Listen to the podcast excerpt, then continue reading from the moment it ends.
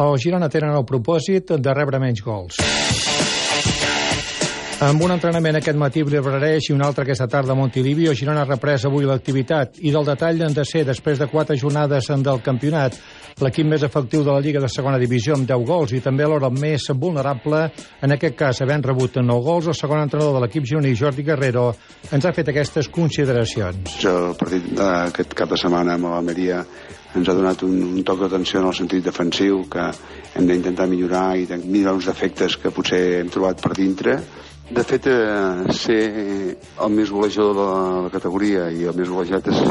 un cas anecdòtic. Nosaltres estem contents per la primera part de ser el més golejadors, però per l'altra banda és complicat ser el més golejat i és una de les qüestions que hem de treballar i estem treballant per aconseguir minimitzar-ho. I de cara al seu pròxim partit de Lliga, el d'aquest diumenge a les 8 del vespre al camp del Mallorca, el mateix en Jordi Guerrero ens ha fet, també com sentirem, una aproximació del rival. El Mallorca, encara que sigui el cué de la classificació, que això és una cosa temporal, és un rival superperillós, té un,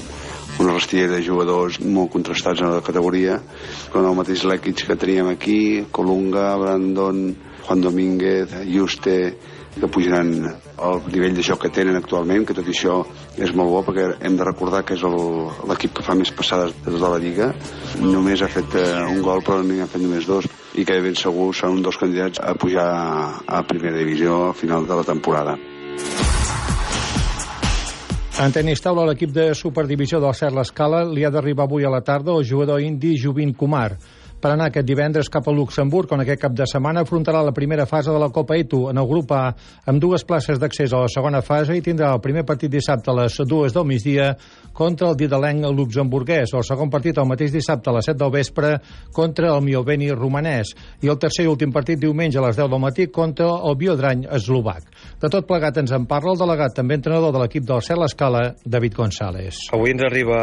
Jovin Kumar, el nou jugador del CER d'origen hindú, ja que aquest cap de setmana doncs, disputarem, després de moltíssims anys, la Eto Cup. En aquest cas, doncs, viatgem a Luxemburg, els altres jugadors Marc Lotet i també la nova incorporació de Joan Massip. Tenim tres equips molt complicats, el primer de tots eh, Luxemburg, després un de Romania i un altre d'Eslovàquia,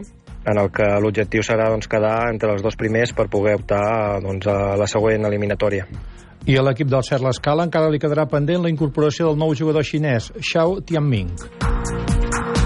Aquest cap de setmana es posa en marxa la Lliga Espanyola d'Hockey Gel amb el Puigcerdà com un dels set equips que la disputaran. S'encetarà una nova etapa del club Cerdà, també amb la nova junta directiva de Tomàs Massip com a president i que ha escollit un exjugador històric de l'entitat Salva Bernola per ser el nou entrenador. Després de 28 temporades com a jugador del club Gel Puigcerdà, les últimes 22 al primer equip. Per mi ha sigut una mica dur no? deixar de, de jugar, jo volia fer un any més, però bueno, la junta directiva nova em va oferir la possibilitat d'agafar la rendes de, de l'equip com a entrenador. No tinc cap mena de pressió, eh, és un equip que tinc ganes de, de que treballi dur, que treballi la filosofia d'aquest club, sobretot gent molt jove,